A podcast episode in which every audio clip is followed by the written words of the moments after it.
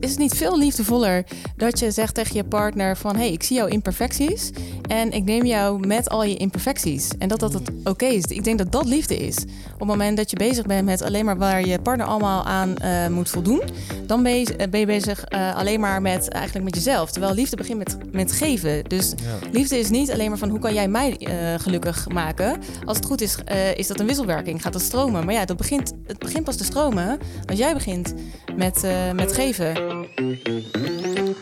Welkom bij de Goed Beter Best podcast van Move. Mijn naam is Henk Jan en als vrolijke PKN'er zoek ik met de katholieke Paul en evangelische Godwin uit wat het leven nou goed, beter of best maakt. Iedere week gaan we met elkaar in gesprek en behandelen we de onderwerpen die er echt toe doen. Een dag na haar bruiloft werd ze wakker en dacht ze: waar heb ik in hemelsnaam ja tegen gezegd? Erika Smallebroek schreef het boek Rozengeur en Zweetsokken met het doel om mensen beter voorbereid hun huwelijk in te sturen. Erika is er kei eerlijk in, bijvoorbeeld over haar eigen twijfels en gevoelens voor een andere man. We gaan super open en kwetsbaar met elkaar op zoek naar de sleutels voor een goede relatie. We hebben het over ons overgeromantiseerde beeld van relaties. Over elkaar leren begrijpen, balans vinden, goed ruzie leren maken, relatietherapie en ja ja, daar is hij weer, seks. Luisteren dus. Niet of dat nu de ruimte voor is, maar ik ben heel benieuwd hoe jullie bij elkaar terecht zijn gekomen. Ja? Mag, ik het, mag ik het vertellen? Nou, ik denk dat het een soort mop van God is. mag ik het vertellen? Ja. Kijk, ik, een keer zo was ik aan het evangeliseren buiten in de stad. en toen zag ik in een kroeg een jongen huilen. En had zo'n groene um, overhemd aan. Oh, en terwijl hij aan het huilen was zo in die kroeg, uitzetten. kwam er een andere man en die zat een beetje stil in de hoek. Ik weet niet. Ik weet niet of hij depressief was of dat Zal hij op hele noten te zingen, zeker? Ja. ja. En toen liep ik naar binnen en ik schreeuwde... Jezus houdt van jullie en hij leeft. En toen dacht zij die ene... Ja, ik ben katholiek, dat weet ik. En ik ben celibaat ook. En die andere die zei, willen jullie niet zo schreeuwen? We zijn in Gods huis, daar moet het rustig zijn. Oh, en toen gingen we een gesprek aan en toen uh, landen we hier, hierboven in een soort uh, katholiekachtige ja. zolder. Nou, nu kan, nu kan uh, Henk Jan je misschien het officiële verhaal vertellen. Na dit uh, onofficiële nou, ik vind dit wel eigenlijk leuk. Dit moet je gewoon adopteren. Zeg maar net zo Elke keer dat er weer zo'n nieuw verhaal verzint. Ja, Dat we gewoon, dit is gewoon onze origin geschiedenis, weet je. Een beetje propaganda hoort erbij in het leven. En steeds komen er weer nieuwe details bij. ja, nee, de volgende verzin ik, oké? Okay? Is goed. ja, dat. Nee, we houden, we houden hierbij, nee. Eh, het idee was, uh, kort gezegd, we wilden graag een podcast over hoe leef je op een goede manier maken. Wat houdt het nou in op allerlei vlakken van je leven? En toen zijn we met een groepje mensen gaan praten. En tussen ons klikte het, het, het beste. En toen bedachten we eigenlijk, ja, dit klinkt inderdaad als een mop. Alsof uh, katholiek en een, uh, en een evangelisch en een protestant lopen een podcaststudio binnen. En dan begint het. Ja, ja dus grappig. dat. Leuk. Um, maar we gaan het hebben vandaag. De, de opening. Wat heb ik nog onder de knop staan? Ik denk... Uh... Oh, oh, happy day? Nee, die is er al uit. Oh. Oh nee, die. okay, die, staat al heel... Dus die staat al best wel lang. Ah, deze is lieve. Gaat hebben... Gaat hebben over de liefde. Oh, daar gaat Godwin. Cause you're amazing. Just the way you are.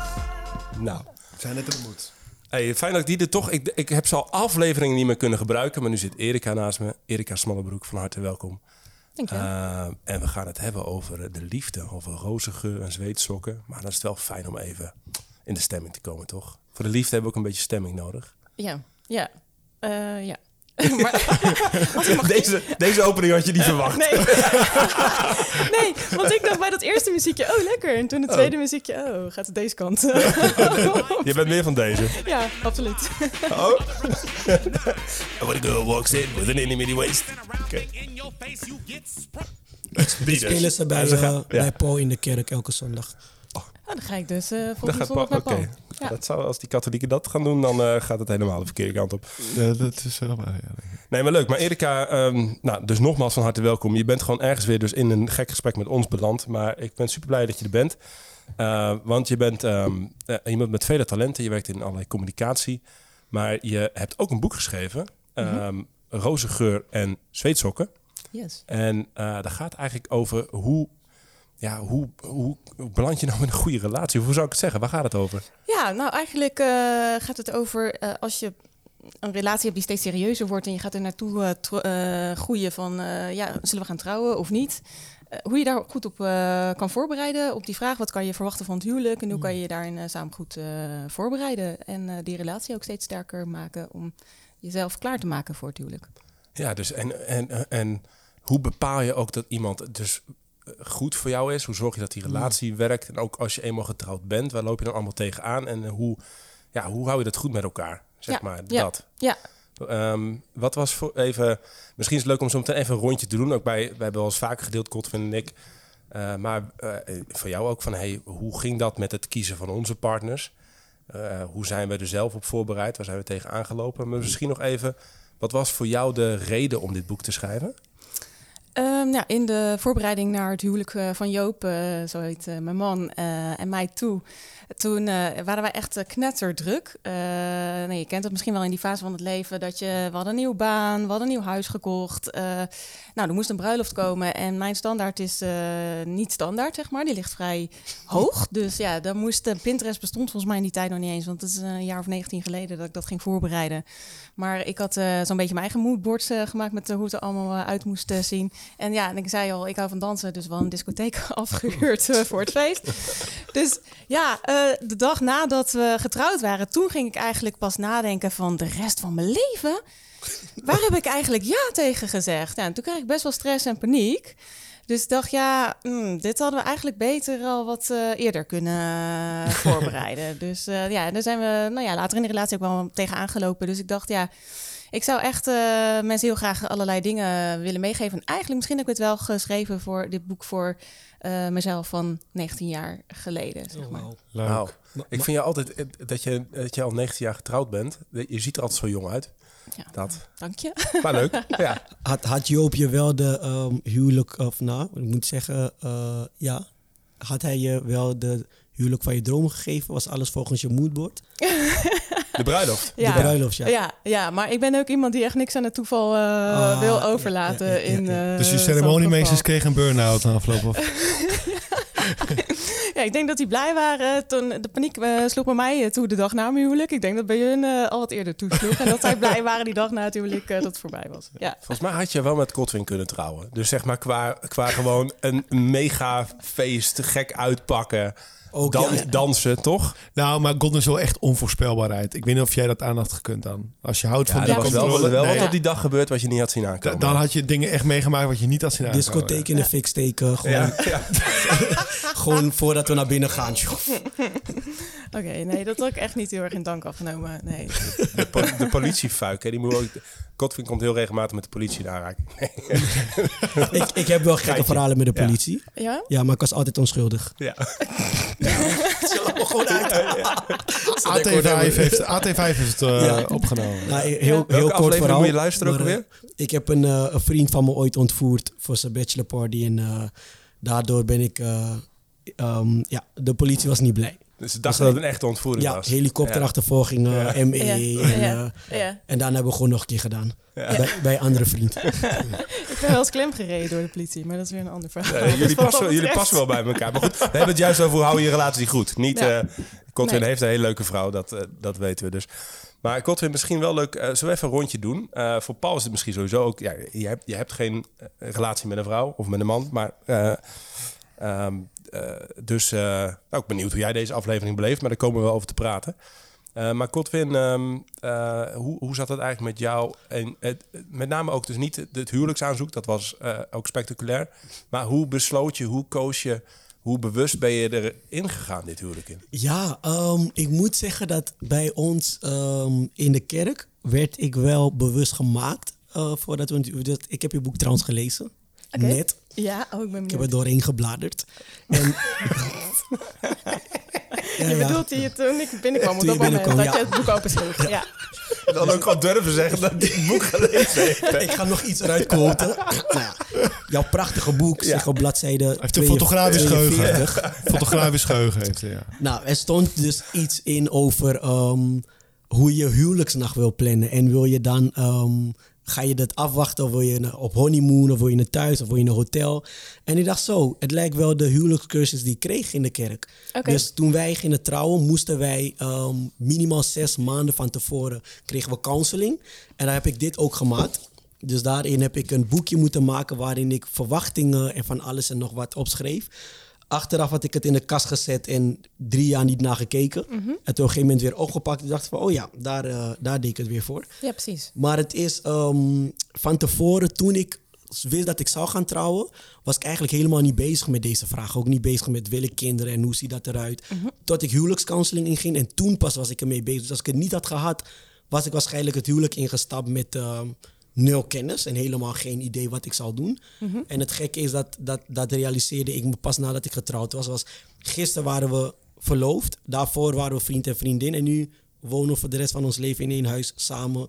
En ik ken jou niet, jij kent mij niet. Ja, Of een, be- een beetje, Ja, hoop een ik. beetje, ja. Ja. Maar ja, ik Ja. denk als je bij elkaar in huis woont, nou ja, die vieze sokken. Ik wist niet dat je gek werd daarvan als ik dat op tafel leg. Ja. Dat doe je nog steeds. Of dat... Ja. Ben jij van de zweetsokken? Ik ben wel van de zweetsokken. Ja. Ik ben eh, van de zweet alles, denk ik. en het ligt ook altijd overal. Wasmand is hoog en dan zeg ik, ja, ik ga het wassen. En dan wacht ik even drie dagen voordat ik het was. Z- zijn vrouw, zijn vrouw is echt een heilige, heilige vrouw. Ze is echt een Ja, heilige ze, ze vrouw. heeft gigantisch veel geduld. Maar nu is ze zwanger, dus nu moet ik alles doen. En nu begrijp ik hoe irritant het is als mensen ja. hun sokken daar laten. Maar ja, ik kan tegen irritatie, dus Ik zie, ik heb er niet last van. ik zie gewoon een klein beetje de pijn gewoon in de buik van Erika. nu gewoon. ik heb wel een beetje medelijden met je vrouw op dit moment. Ja, als het allemaal zo hoor. Ja, ja. Nee, maar ehm, op die manier heb ik me een beetje voorbereid. En ehm, hoe staat het bij jou? Heb jij huwelijkscounseling gehad? Heb jij je voorbereid? Eh, ja, wel- ja, wij hebben inderdaad een soort pre-marriage course in de kerk gedaan. Dat was Ja. denk ik wat minder intensief als bij jou. Maar wel gewoon een aantal avonden dat je wat belangrijke vragen met elkaar doorneemt en zo. Wat inderdaad wel goed was. Ehm, ook niet zo wereldschokkend of zo heel anders dan de vragen die ik ook al wel eens eh, besprak of Oh ja. over nadacht zelf.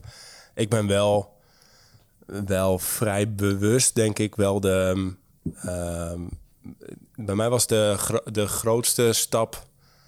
eh, ga ik haar ten huwelijk vragen, zeg maar. Daar zat wel een heel proces bij mij voor, vooraf van... Hey, eh, zeg maar na de eerste twee jaar. De eerste twee jaar waren hebben we vrij gekozen om het vrij licht te houden. Gewoon leuke tijd met elkaar te hebben. eh, elkaar beter te leren kennen. Ja.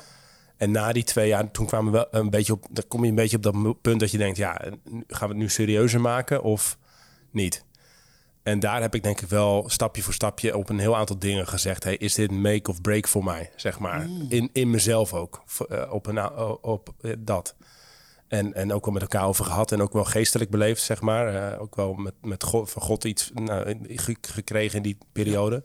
Dus ik ben daar wel bewust mee omgegaan. Dat betekent niet dat je daarmee alles voor bent. Of alles, in, alles voorzag. Of, of, of dat je alles in de smiezen had. Maar ik ben er wel bewust in, ge- in gestapt. Maar hoe lang, hoe lang heb je gewacht dan om op je knieën te gaan? Nou, dus ik heb na een jaar of drie heb ik haar, na een jaar of drie verkering heb ik haar ten huwelijk gevraagd. Maar een jaar of drie. Ja, Mijn gast. god. Vind je dat kort of lang? Lang! Oké. Hoe lang heb jij erover gedaan dan? Nou, toen ik wist van ehm, wij gaan trouwen, hadden we volgens mij al een... Hadden we gezegd in 2018 gaan we trouwen. En dan wist ik, ja, dan moet ik in ieder geval een paar jaar daarvoor, had ik, na een paar maanden... We zijn zes maanden uit mijn hoofd verloofd en daarna getrouwd. Ja, maar we hadden toen, kenden we elkaar al eh, ook ongeveer twee jaar. Maar we hadden toen geen verkering. We hebben denk ik echt een jaar een verkering gehad. Toen verloofd. En toen getrouwd binnen zes maanden. Dus anderhalf jaar, zeg je. Anderhalf jaar ongeveer, ja. ja. Een jaar of drie, ben jij gek? Ja, dat is niet langer chill. hoor. Dus dat, is- dat is de normale standaard hoor, vriend. De normale standaard. Ja, ja, ja, dat is normale standaard. Maar het hangt ook al van hoe jong je bent. hè. Kijk, als je aan het begin van je studententijd bent, dan zitten er ook natuurlijk andere aspecten aan. Bijvoorbeeld dat je je studie wel wil werken. Ja. Eh, dat je ook zelf nog in je volwassenheid moet groeien. Dus dat is op zich. Hey, voor, ja. voor we naar E- Erika gaan en ook jouw verhaal wat meer eh, uitdiepen. Hoe, eh, hoe luister jij eigenlijk naar, of hoe zit je in dit hele onderwerp? Wat, wat wil je weten? Wat Nou, ik vind het super boeiend. Ehm, ik, vind het, ik vind het boeiend, heel belangrijk. En dit onderwerp houdt me ook best wel veel bezig. Het is wel grappig, want ik ben inderdaad zelf niet getrouwd. Ik leef celibatair. Eh, uit keuze, gewoon uit liefde voor God. Ik val wel op vrouwen, dus het is niet dat ik een soort van zweverige geest ben of zo... die platonisch eh rond eh, zwaait. Ehm, maar het geval weer wel, ik geef ook best wel veel pastorale geestelijke begeleiding aan jonge kerels. En dat zijn niet alleen pubers. Er zitten ook gewoon tussen gasten van mijn leeftijd of ouder. Dus ik hoor best wel veel van huwelijksproblematiek eh, via dit soort gesprekken. Ehm, dus het is interessant dat, dat ik daardoor juist ook zelfs een bepaalde kennis en expertise bijna heb opgebouwd op dit gebied. Wel ze vooral van mannen. En, en ze staan er dus voor open dat jij, terwijl je eigenlijk zelf niet de ervaring hebt daarmee, dat je daar wel ze in begeleidt en meedenkt. Ja, kijk, je moet ook zo zien. Ik ben niet een relatietherapeut. Nee. Maar als je het hebt over... je wil iemand helpen eh, om te groeien in zijn relatie met Jezus... en hoe kan ik een goede christen zijn... ja, dan, dan kan je natuurlijk... dan kan je het wel heel veel hebben over bidden... maar als er gewoon problemen in je huwelijk zijn... weet ik van wat... eh, eh, je hebt seksuele frustraties, veel ruzie, gebrek aan communicatie... ja, dat zit echt ook al die andere aspecten in de weg... Dus daar heb je het wel over. Iets anders is dat jij daarna gaat zeggen... nou, volgens mij moet je dit soort therapie volgen. Nee, dat ook weer niet. Maar, maar je bouwt langzamerhand wel. Ja, natuurlijk. Natuurlijk gewoon. Ja, je kan wel het gezond leven. verstand Ja. best wel wat advies. En juist gasten die beginnen te daten... kan ik ook alvast eh, eh, een paar dingen zeggen. Eh, of eh, adviseren als, ze als ze daar behoefte aan hebben, ja. Maar wat ik wel tof vind eigenlijk eh, daaraan is... je ziet ook wel dat eh huwelijken of relaties niet altijd lekker gaan... omdat er toch de verwachting is dat die partner jou gelukkig moet maken, zeg maar. En ik denk dat jij heel goed voor ogen hebt... Van je, dat je geluk dus niet afhankelijk is van een relatie. En dat je uiteindelijk...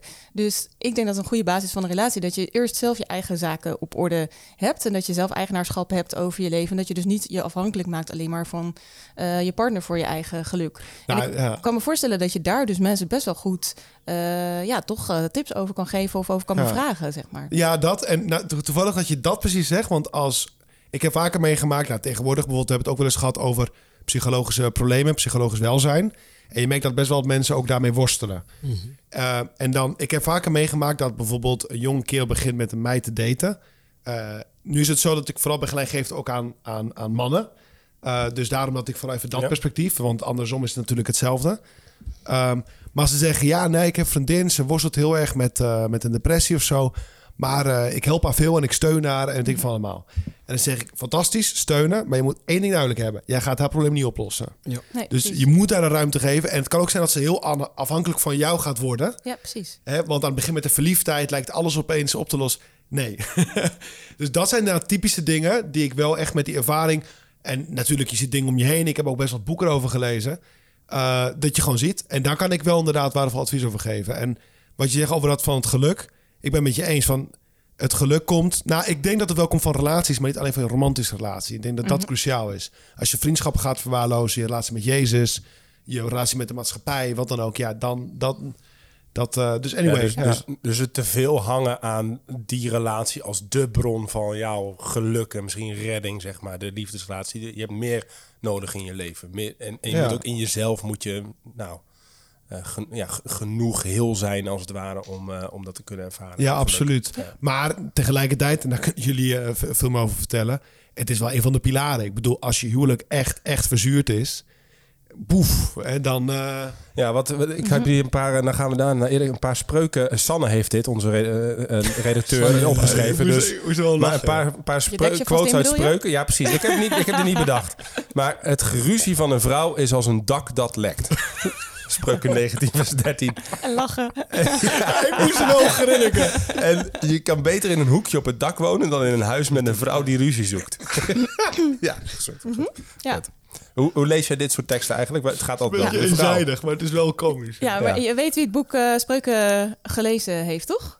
Eh, geschreven. Ja. Sa- Salomo, Salomo. waarschijnlijk. Ja, en er is natuurlijk eh, geen man op deze aarde die zoveel vrouwen had als Oh, ja. Salomo. Salomo. Dus ja, ik eh, zou ook niet... eh, ik zou denk ik ook wel een vrouw zijn die op een gegeven moment ruzie gaat zoeken... als ik mijn man moest delen, met, met, duizenden andere ja, ja, ja. Dus jij denkt dat, want hij zegt ook, je kan beter in de woestijn wonen dan samenleven met een humeurige vrouw die ruzie zoekt.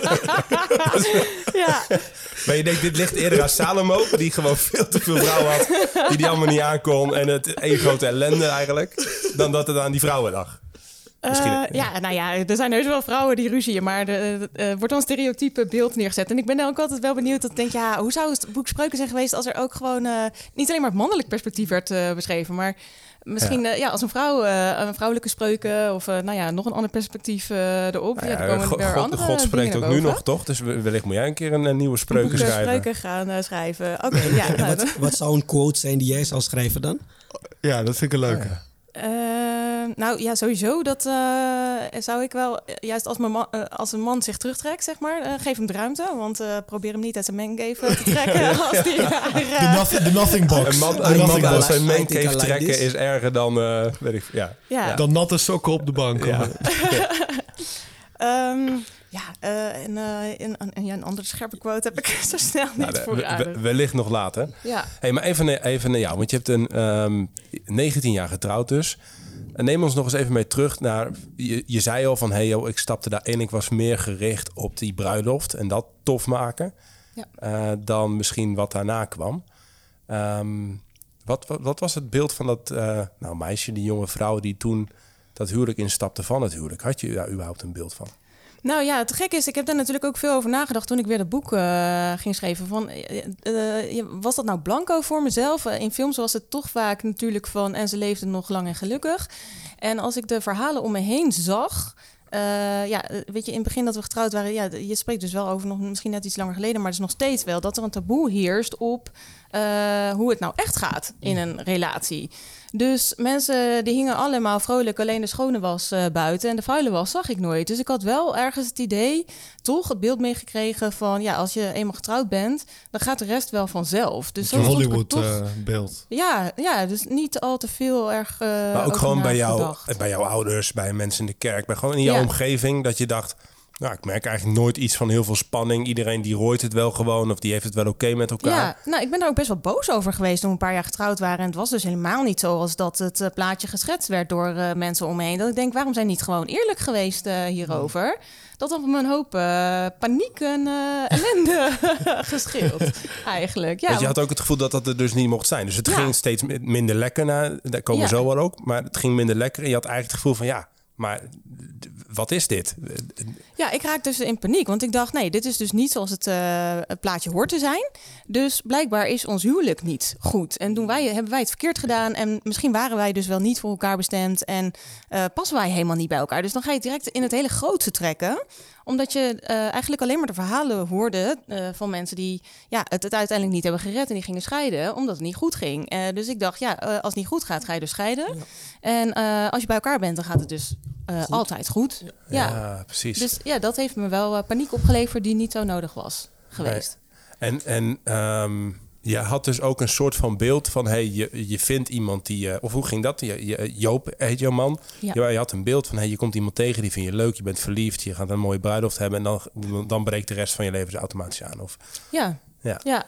Ja, en hij was gewoon woest aantrekkelijk. Dus dacht, nou ja, dat eh, vind ik wel een leuke kerel om naast Woest me aantrekkelijk. te hebben. Ja. Ja, zo- zo'n mancave kwam die af en toe met zonder shirt uit. En dan, eh, de- Ja. ja, toen had hij nog haar, dus dat wapperde dan zo mooi. eh, ja. toen had hij nog haar. Ja, ook die teleurstelling. Je bent nog steeds heel sexy aantrekkelijk, denk ik. Ja. Ja. Hey, maar ik, om hier nog even wat diep op in te gaan, als, als dat mag.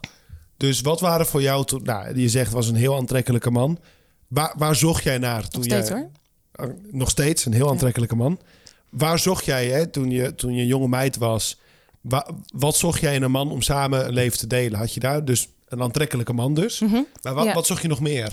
Nou, ook. Ik was wel iemand die, uh, nou ja, dat ben ik nog steeds wel, iemand die een flinke mening kan hebben en een bepaalde richting dan uh, opgaat. Dus ik had wel iemand nodig die wat tegengas kon geven. Dat had ik wel door. Dat ik dacht, ik heb een stevig persoon uh, naast me die de af en toe even kan spiegelen. En um, dus dat, uh, dat zocht ik wel uh, in een man om daarin uh, mij nog net iets, ja, te kunnen balanceren, zeg maar, een stukje balans. En verder ja, een maatje, een teammaatje. Dat je gewoon als team het leven tegemoet gaat om het leven net wat leuker te maken. En ja. op het gebied bijvoorbeeld ook van, van, van bepaalde overtuigingen of principes, had je daar ook niet per se? Nou ja, ik wilde wel zelf het christelijk geloof. Jezus is echt wel heel belangrijk voor mij. Dus ik wilde wel zelf graag iemand die zich daarin herkent en dat we daarover konden, konden praten en dat konden delen. En dat had, dat had hij ook? Of? Ja, hij geloofde wel in Jezus, maar waar ik wel tegenaan liep... is dat we dus wel echt heel anders beleefden. Ja. Uh, oh, ja. Allebei. Ja. Ja. Want, want vertel eens even, want je, je, je stapte natuurlijk in. Je had een hele leuke bruiloft, hoop ik. Ja. Ja, dat lukte allemaal. Dat was, je, je, je kreeg je zin en het top. Ja. En, uh, en uh, hoe ging het daarna? Neem ons eens even mee in die afgelopen 19 jaar.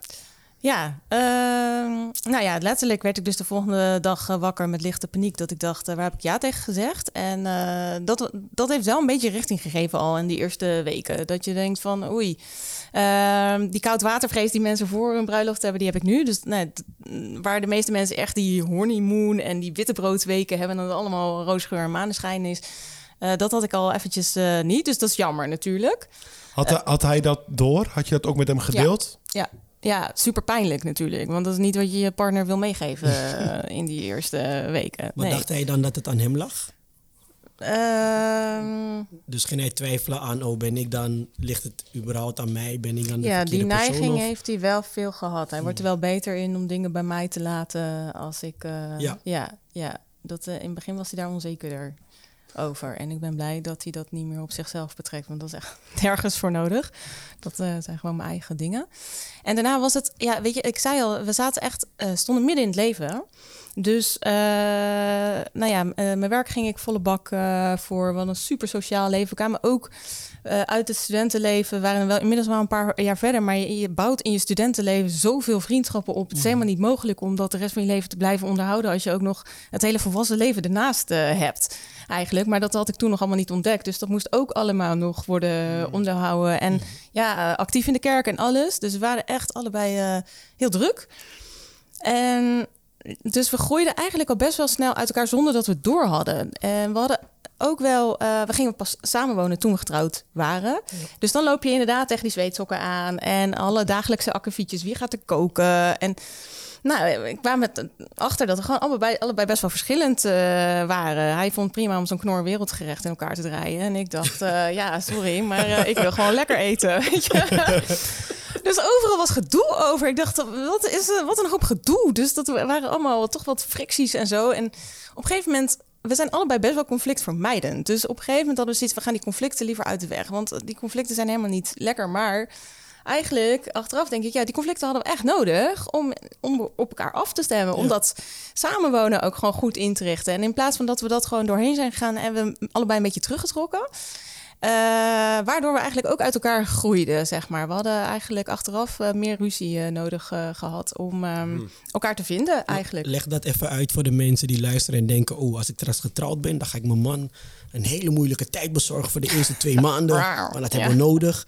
Ehm, maar wat zijn de dingen die je dan wel leert van de ruzies? Wat, Ja, wat- en hoe maak je goed ruzie? En hoe maak het je ook goed over- ruzie? Dus Ja. wat, deed je toen niet of wat, wat, of wat is slecht Ja. ruzie en wat is goed ruzie? Ja, dat stond trouwens ook in je boek, heb ik gelezen.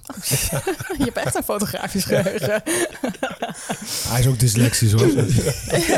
ik keek gewoon naar die dikke letters. ja, ja.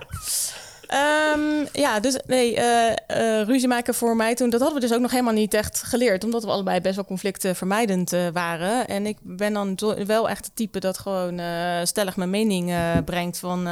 nou, dit is wat ik denk. En ik verwachtte dat ook van hem, dat hij dat er tegenover zet. En ik denk, nou, dan praat je vervolgens ehm, samen uit... dit is jouw mening, dit is mijn mening en dan komen we er wel uit.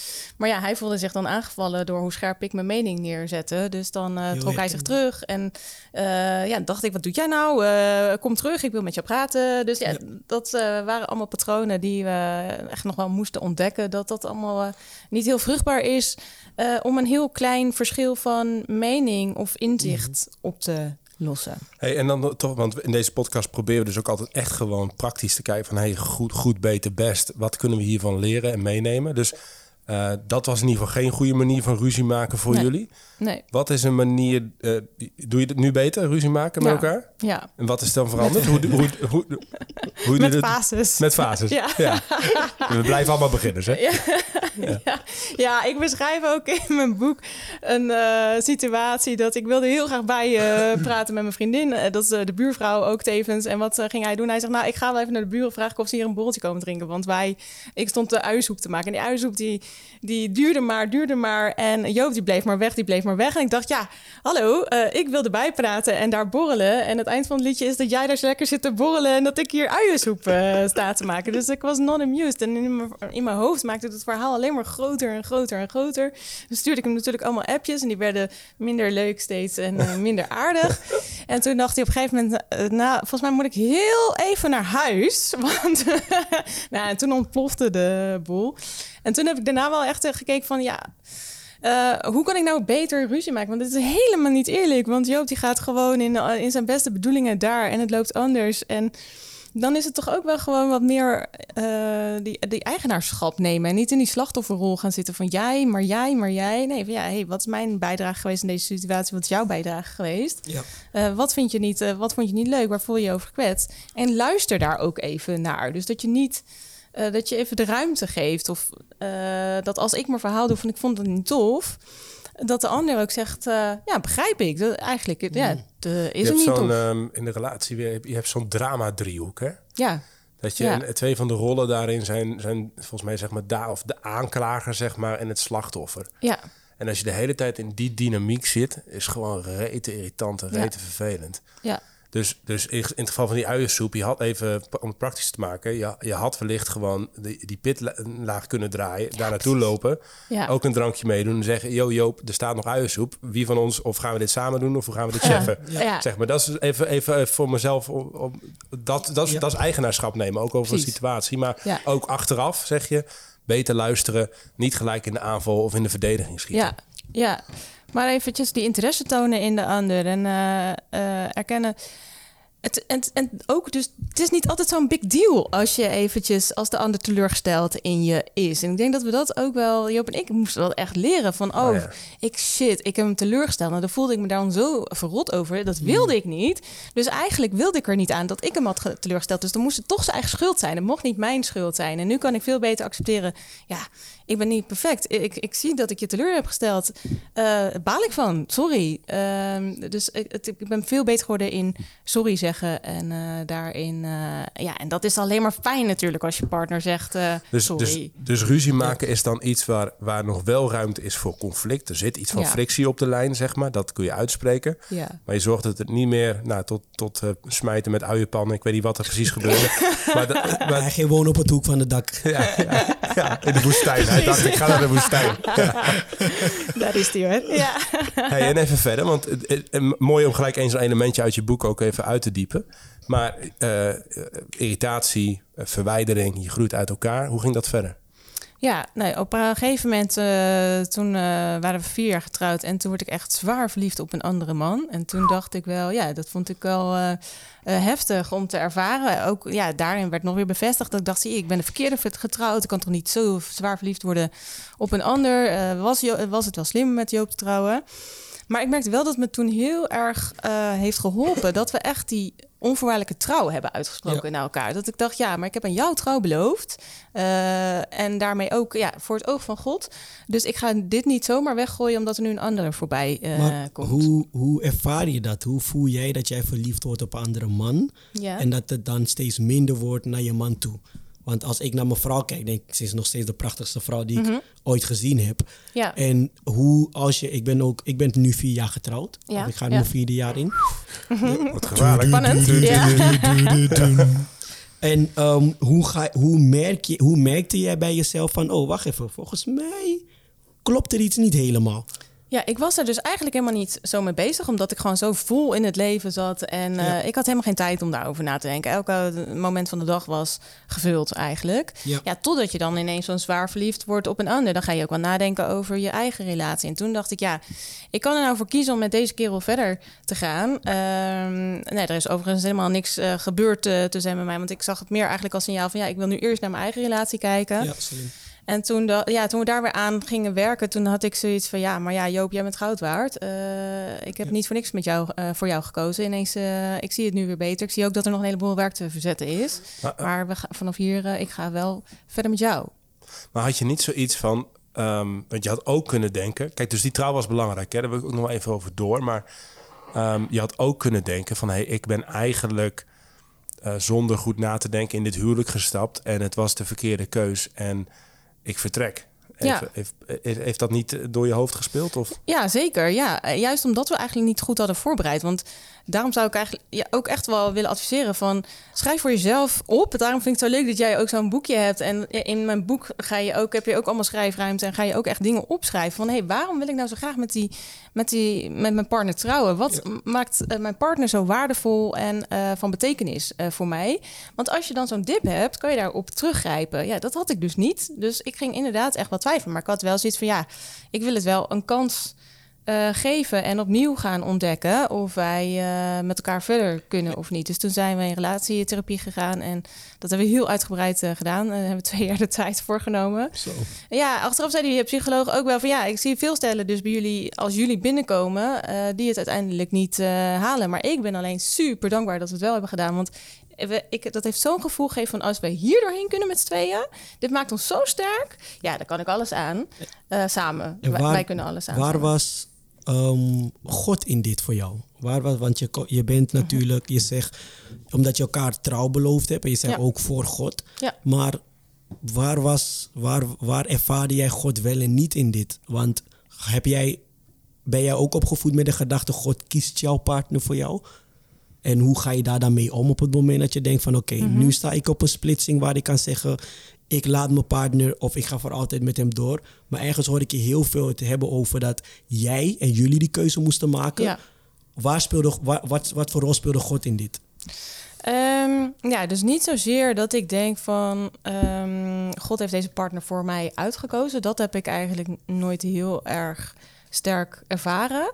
Maar wat ik wel ehm, uit de Bijbel en Gods woord heel erg heb meegekregen, is de kracht van trouw. Ja. En de kracht van een verbinding, van een huwelijk. En ik dacht, dat is niet voor niks. Wow. Dus dat wil ik wel uitzoeken. Wat, wat is trouw beloven dan eigenlijk? En wat Ja. is trouw zijn? En eh, ik dacht eigenlijk vroeger dus altijd, dat, dat, daar, dat realiseerde ik me ook wel. Van, ja, ik eh, dacht altijd dat trouw beloven was, eh, nou, dat als jij je been breekt, dat ik achter je rolstoel eh, loop. Dat was voor mij ongeveer het ergste, ja, weet je, in goede en slechte tijden. Nou, dat, dat was dan slechte tijden voor mij, in, in mijn beleving.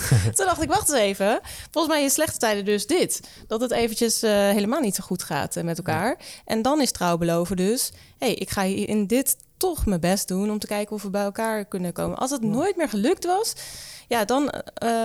ik zeg niet dat je dus voor eeuwig en altijd bij elkaar moet blijven. Maar ja, wat is twee jaar eh, van je huwelijk als je uiteindelijk misschien wel 50 jaar getrouwd eh, mag Ja. zijn? Dan, ja, ik ga hier wel eh, uitgebreid in investeren. Want als het wel goed komt, hebben we daar de rest van ons leven wat aan. En ook, ja. ja. Als ik, als ik nog iets mag, mag aanvullen, ik vind, het, ik vind het heel inspirerend en ook heel belangrijk. En ook dat je dat gewoon zo durft te zeggen. Want dat is ook wel iets wat ik echt zou willen meegeven aan mensen. Ik heb in een natuurlijk een ander soort relatie, een ander soort keus, maar ik ben ook door dit soort stormen heen gegaan. Dat is ten eerste, je moet ook niet schrikken als af en toe je hart misschien naar iemand anders gaat. En dat kan zijn omdat je zelf niet genoeg aandacht aan je huwelijk hebt geschonken. Maar het leven gaat zoals het gaat. En soms heb je dat je al tien jaar, weet je, na tien jaar dat je vrouw misschien niet meer lacht om je grapjes, maar die nieuwe collega wel. En ze is ook heel mooi. En dat opeens geeft een nieuwe vonk aan je hart. En voordat je door hebt, als je dat niet onder controle hebt, dan is opeens een verliefdheid. En soms denken dan mensen, oh shit, mijn liefde voor mijn vrouw of voor mijn man is niet meer authentiek, is niet meer eerlijk, is niet meer oprecht. Of wat heb ik nou gedaan? Eh, en dan is het ook van, ja, weet je, dit, dit hoort er soms ook gewoon bij. En het is niet erg. En wees daar eerlijk over. En wat ik mooi vind ook in je verhaal is, ja, dat is ook niet het einde van het verhaal. Je kan eraan werken. Het heeft heel veel te maken met je houding. Ja, Eh, ja, precies. en dat, dat, vind- dat, dat vind ik gewoon heel mooi, maar ook heel belangrijk. Want Ja. volgens mij denken dan heel mensen meteen... oh, dit is niet meer authentiek.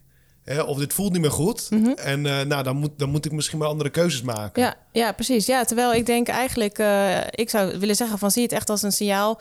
Ik denk niet dat je zomaar verliefd wordt als het dus in je eigen huwelijk eh, op dat moment heel goed gaat. Nee, dat, dat is waar. Dus zie het wel als een signaal om met z'n tweeën eh erover te gaan praten. Ik ben ook eerlijk geweest naar Joop van nee, luister, ik ben verliefd op een ander. Ik vind het niet leuk, want ik weet dat het je kwetst. Maar het is wel hoe het is. En ik moest het uitspreken, want ik dacht anders is het mijn geheim.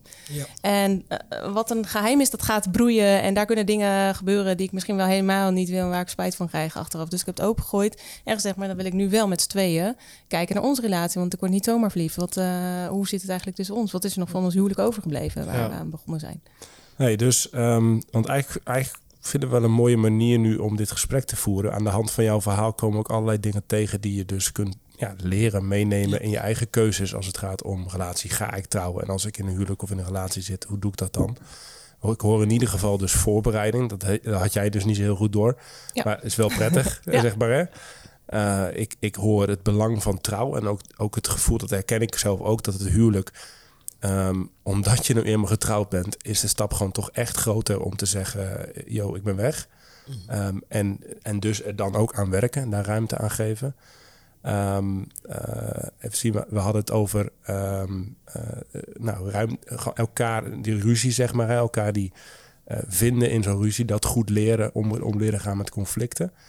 Ehm, De oprechtheid jij- jij ging had die- ze het ook over. oprechtheid. Nou, sowieso een aantal dingen die echt wezenlijk zijn in de voorbereiding en in, in een relatie. Jij ging door, jullie gingen een relatietherapie. Ja. Daarna was het eh, wel roze geur en maneschijn of... eh, Witte lammetjes eh, op het heiland. Nou, daarna was het roosgeur en zweetsokken. Ik denk dat die in die periode eh, richting eh, de therapie eh, vooral zweetsokken was. En daarna kwam de roosgeur er weer bij. En dan zijn die zweetsokken ineens helemaal zo erg niet meer, zeg maar. Dan wordt het part of life. Ja, dan Ah, ja. eh, komt die balans eh, meer eh, terug. En eh, kan je dat eh, accepteren meer. Hmm. Ja, Maar hoe is het? Want het heeft je veel, ge- veel geholpen, veel gedaan. Die relatietherapie. Ja. Ook het gevoel gegeven van, joh, wij kunnen dit aan. Als we dit aan kunnen, dan. Ehm, maar dat is de, ook alweer tien jaar geleden dan? Of Ja. langer? ja. Hoe, hoe ehm, eh, is dat de grote doorbraak geweest? Of, zijn, of eh, heb je daarna... Hoe is het daarna verder gegaan? Ja, dat is echt wel de grote doorbraak geweest. Want eh, we zijn heus wel weer in eh, een soort van soortgelijke relaties eh, beland. Dat je ineens denkt, oh, voel ik toch weer een vlindertje voor een ander. Maar nu ben je veel, zoveel eerder bij en zoveel... als je in patronen komt... Ehm, ik denk dat het grootste leerpunt is dat we hebben ontdekt wat het gevoel is om elkaar te missen. Want door die therapie gingen we eigenlijk, gaven we ineens toe aan het gevoel van... ja, maar ik mis jou ook hartstikke in mijn leven. Ik vind er helemaal, ook helemaal niks aan, want we, we leven volledig langs elkaar heen. En dat we dat gevoel gaan, veel eerder herkennen. En dat je dan dus ook uitspreekt van... eh, joh, ik vind eigenlijk eh, een beetje... eh, ja, ik mis je. In, kunnen we weer wat dingen ondernemen samen? Kunnen we weer meer verbinden? Misschien moeten we weer eens wat diepere gesprekken gaan voeren. En ehm, ja, daarmee ben je die situaties allemaal heel erg voor. Dus dan wordt het allemaal niet meer zo'n eh, zo'n diepe ellende als dat het eh, eerder was. Dus je, ja. hebt, je hebt tools geleerd. ja. Hey, waar ik ook even nieuwsgierig naar was. ehm, en je moet zelf weten hoe persoonlijk je daar eh, ook in maakt. Maar de, de, de dag na je huwelijksnacht weet je teleurgesteld wakker, zeg maar. Je schrijft ook over seks in je, in je boek. Eh, ook bijvoorbeeld seks voor het huwelijk. Blijkbaar, je had, geen, als ik zo vrij mag zijn, geen seks voor het huwelijk? Ja, of- nee, geen eh, geslachtsgemeenschap. Het is maar eh, hoe breed Ja. je seks eh, wilt zien. Maar daar hadden we inderdaad voor gekozen. Ja. Ja. Ehm, daar schrijf je ook over. Ehm, Mhm. Wat is de, ook als het gaat om het kiezen van je partner, het toeleven na een huwelijk, maar ook daarna, hoe ben jij gaan nadenken over seks, ook op basis van je eigen ervaringen en je, en, nou, je, je eigen onderzoek ook? Ja. ja, ik vind seks in de kerk is zo'n beladen ding. Oh, mensen, ja, wat kunnen we daar iets moeilijks en groots van maken met z'n allen? En iedereen heeft er een mening over. En oh, ik zie het ook altijd als er dan bij zo'n christelijke blog of zo eh, over seks gaat. Nou, hoeveel reacties er wel niet onder komen van... ja, eh, maar dit zegt de Bijbel en dat zegt de Bijbel... Eh, waardoor het heel moeilijk wordt om je eigen keuzes te maken als het om eh, seks gaat. Terwijl het is zoiets persoonlijks. Het- je geeft echt gewoon jezelf, het intiemste van jezelf aan je partner. En het is zo belangrijk dat je samen die keus maakt. En niet omdat die hoge pieven dat zeggen in de kerk... of die belangrijke leider... of eh, dat de, de, de dominee zegt of de voorganger... of de pastoor van ja... Maar de Bijbel zegt, nee, nee je- je gaat zelf met z'n tweeën die Bijbel lezen. Ga zelf eh, kijken, wat vind jij belangrijk? Wat zegt God hierover? En kunnen wij dat omarmen, zodat het je eigen keuze is? Want ehm, voor mij was dus seks was echt vanaf, al, nou ja, vanaf mijn tienertijd verbonden met, met zonde. Op het moment dat ik ontdekte wat seks was, hing, ja, kreeg ik gratis het zwaard van Damocles eh, erbij, wat boven mijn hoofd eh, hing. Ja, precies, ja. Dus dat heeft, is niet alleen maar in onze relatie. Maar ik denk vanaf dat je een jaar of 12, 13 bent en je gaat wat eh, dingen ontdekken. eh, en, en je merkt, je wil er met je ouders over praten. En dat, dat werkt helemaal niet. Hier heb je een boekje, alsjeblieft. Oh, nou, dat is dus geen eh, gespreksonderwerp eh, hier. Oh, die heb ik ook gekregen, ja, dat boekje. Ja. Laatst nog met zo over gehad. Dat was niet heel wijs, eh, Pama. Nee, nee, nee. Ja. Maar ze trouw, ik ben de oudste, dus bij mij, daarna ging ze het beter doen. Maar ik was nog... Nou, ja, het Ja, uitprobeersel. het uitprobeersel. Bij mij is het mislukt. Maar Ja. dus voor mij was seks zo verbonden met zonde. Terwijl ja, eh, je hebt ook gewoon te maken met een eh, lichaam dat God zo heeft gemaakt. Dat wij eh, niet alleen gericht zijn op voortplanting als mens. Want dan was het wel net als bij de dierenwereld. Het is alleen eventjes de Ah, daad. nou, en eh, ja, nee, wij voelen daar dingen bij. Wij krijgen allemaal hormonen erbij. Die ook echt elkaar, de partners aan beide aan verbinden, zeg maar. Dus seks is zoiets groters dan alleen wat wij de aanhang van mag het wel, mag het niet, hoe ver mag je wel niet gaan. En dat verdween voor mij helemaal naar de achtergrond. Dus toen we eenmaal getrouwd waren, na die eerste twee jaar had ik nog steeds eh, dat beeld van seks is zondig. En ik wist wel, van, ja, we hadden hiermee gewacht, want nu mag het juist, zeg maar, het mag nu. Maar ehm, ik kon er helemaal niet van genieten, want je bouwt natuurlijk die associatie op. En dat is niet in één nacht eh, verdwenen in die uh, huwelijksnacht. Dus ik zou wel echt willen meegeven, maak dit je eigen eigen keuze uh, wat je uh, daarmee wil. En, en doe het dus niet alleen maar omdat een ander het zegt. Maar oké, nou, als God het zegt en ik wil daarvoor kiezen, kan je dan zelf daar ook de waarde van inzien. Wat, wat is de waarde van seks überhaupt voor, ja. voor je relatie, voor ons, voor mij? Welke betekenis geven we er um, aan? En ga daar met elkaar over in gesprek. Ook hmm. vooral dat het echt een keuze is van jullie tweeën. En niet omdat je ouders dat verwachten of omdat kerk dat uh, verwacht. Nou, ik denk dat herken ik eigenlijk wel. En uh, ik denk dat we hier aan tafel misschien wel over een aantal dingen verschillend denken. Ik ben verloofd met uh, Vera en toen zijn we gaan samenwonen. Voor ons, voor mij was seks voor het huwelijk niet per se een ding waar ik, ik... Ik heb niet de overtuiging dat je per se met seks hoeft te wachten tot het huwelijk. Paul als rechtgeaarde katholiek ongetwijfeld wel eigenlijk. En, um, en, en Godwin denk ik eigenlijk ook. Klopt. We hebben ook een hele mooie aflevering met Kokkie Dros over seks opgenomen. Dus check die ook uit als we meer over seks moeten hebben. Maar ik ben het hoe dan ook, ook over onze verschillen. Denk, ik weet niet hoe, hoe jullie dat bekijken, mannen. Maar dat je niet een... Um, dat je seks niet moet gaan beschouwen als iets wat je inderdaad associeert met zonde. Of, of het eigenlijk alleen maar moet doen omdat het zo geschreven staat. Maar dat het iets is wat in je hart moet gaan gaan nestelen. Een, een gezonde omgang met, met seks. Ehm, dat is denk ik sowieso waar. Hoe, waar je dan ook precies de grens zal, zal ik eens heftig zeggen? Vertel. Wat de, wat, wat de katholieke kerk mij heeft geleerd en wat ik ook geloof... is dat de gemeenschap tussen man en vrouw, de seksuele gemeenschap... is een van de diepste weerspiegelingen van de liefde van de heilige drie-eenheid. Dus eh, laten we zeggen, het niveau van heiligheid uh, en van schoonheid en van liefde van seks is grandioos. En daar mag dus ook echt van genoten worden. En daar praten we veel te weinig over onder christenen. Hoe kan ik echt genieten hè, van, van, van seks in die liefdesrelatie? Hoe kan ik die overgave met naar elkaar? Hoe kunnen we elkaar meer plezier geven? En natuurlijk tegelijk dat er ook een hele mooie verticale verbinding kan zijn met God. Hè, en hoe je dat met elkaar kan verenigen. Dus ik kan het alleen maar omarmen, ja. En, en daarnaast denk ik ook, en dat heb ik echt moeten leren, is dat mijn vrouw is heel erg. Ik, zij, ik moet haar voorbereiden de hele dag door op het moment dat wij seks hebben. Het is niet alleen de daad, het is niet alleen wanneer je in bed ligt. En dat is iets wat ik moest leren, is dat seks is niet alleen het moment. Mhm. Je hebt echt wel momenten daarvoor, of het nou is hoe ik haar aankijk, of ik eten voor haar haal, hoe ik tot haar praat. Dat bereidt haar al voor waarvan ik denk van ja, nou broek uit en we gaan. Ja, precies. Ja, ja. Dat ik waarschijnlijk heel veel mannen. Dat, Zo werkt het niet. Nee. Dus ik moest op een gegeven moment ook leren, omdat als tiener, ik heb heel veel pornografie gekeken. Mhm. Dus ik, ik dacht in mijn hoofd dat dat is alleen seks hebben. Ja, dat precies. is alleen de daad. Ja. En uiteindelijk, ik ben wel blij, want ik heb heel veel gesprekken met mijn vrouw gehad. Zij is wel een praten, ze houdt echt van praten. Ik ben net als je man, ik loop weg en laat Mhm. het ook maar. Maar uiteindelijk, um, ik heb heel veel gesprekken met haar gehad. En daar leerde ik, en daar komen we straks ook bij, bij de liefdestalen. Ik leerde haar liefdestank vullen. Ja. Nou, en op het moment dat ik dat deed, hoefde ik eigenlijk helemaal geen moeite meer te doen om seks te hebben. En uh, daarin heel veel voorbereiding te doen. Want ik deed dat al door de dag heen en steeds meer en meer en meer. En dat is wel iets wat ik heel belangrijk vond dat ik dat op een gegeven moment leerde. Omdat ik in de kerk inderdaad ook, um, bij ons zeiden we, we er best open over. Um, alleen wist ik niet dat dit gedeelte daarvoor ook bestond. Dat Ja, dat precies. ook Ja. met seks te maken heeft. Ja, ja. Hey, Ja. maar dus, dus om het nog even... Want ik wil ook nog even naar een, naar, eh, naar eigenlijk hele specifieke vraag. Ook van, hey, hoe...